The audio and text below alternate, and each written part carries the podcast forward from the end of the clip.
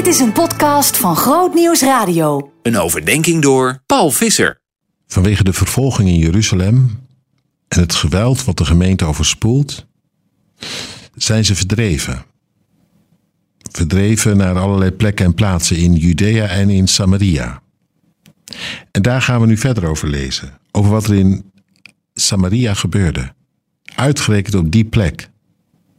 Waar vanuit Jeruzalem altijd op was neergekeken. Gebeurt iets wat eigenlijk Jeruzalem overtreft.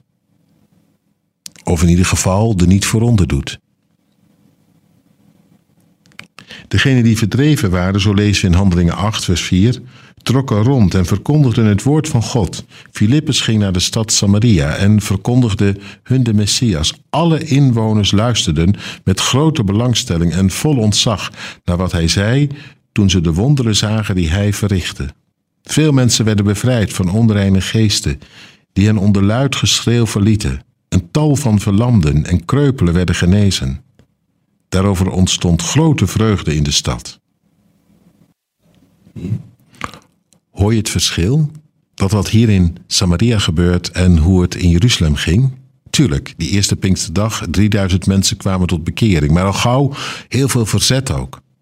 En zeker het werk van God was doorgegaan, maar wel tegen de verdrukking in. En hier in Samaria, het loopt als een trein. Alle inwoners luisterden met grote belangstelling en vol ontzag. Veel mensen werden bevrijd van onreine geesten. Er ontstond grote vreugde in de stad. Zomaar een paar observaties. Bijzonder hè?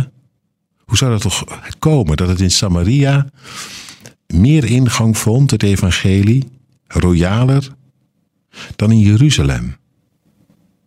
Ik denk dat het iets te maken heeft met het feit dat ze er in Samaria wat minder geharnast in zaten. In Jeruzalem wisten ze het zo goed dat ze op geen enkele manier van hun punten waren af te brengen.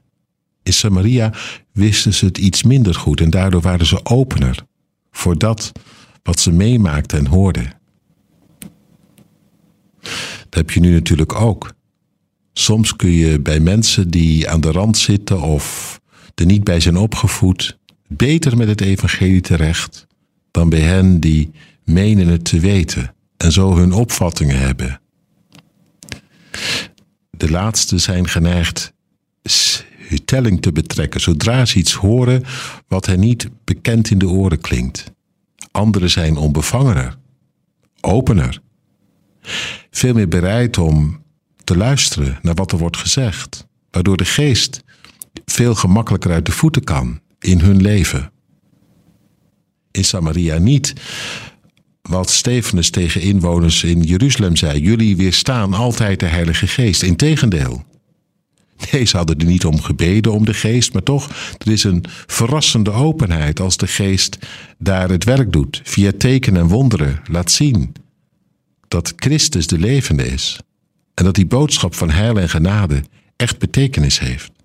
Ik vind dat ook wel heel verrassend en mooi, vind je niet? Ik denk dat Filippus heeft gedacht, jongen, dat was me in Jeruzalem nog niet op die manier overkomen. Filippus, ook een van die diakenen. Heeft blijkbaar uh, de rol van die Stefanus overgenomen. Mooi ook, hè? Dat het lijden van de een tot in de dood, een liefde die geleefd wordt en bewondering oproept, dat die dan weer leidt tot nieuwe inspiratie bij de ander. Filippus, daarvoor hadden we nog niet van hem gehoord, maar nu, ja, nu gaat hij er helemaal voor. Notabene gevlucht, maar met een hart vol liefde. De liefde van Christus. Om niet alleen maar bezig te zijn met zichzelf, het heil te zoeken van de mensen die hij ontmoet. Hij heeft het aangevoeld. De levende, Christus zelf, wil door mij heen, hier op deze plek, van zich laten horen. De geest heeft hem erin geleid, bekrachtigd, gesteund. Wat mooi als jij op de plek waar God jou gezet heeft, beschikbaar bent. Voor zijn werk in de kracht van zijn geest.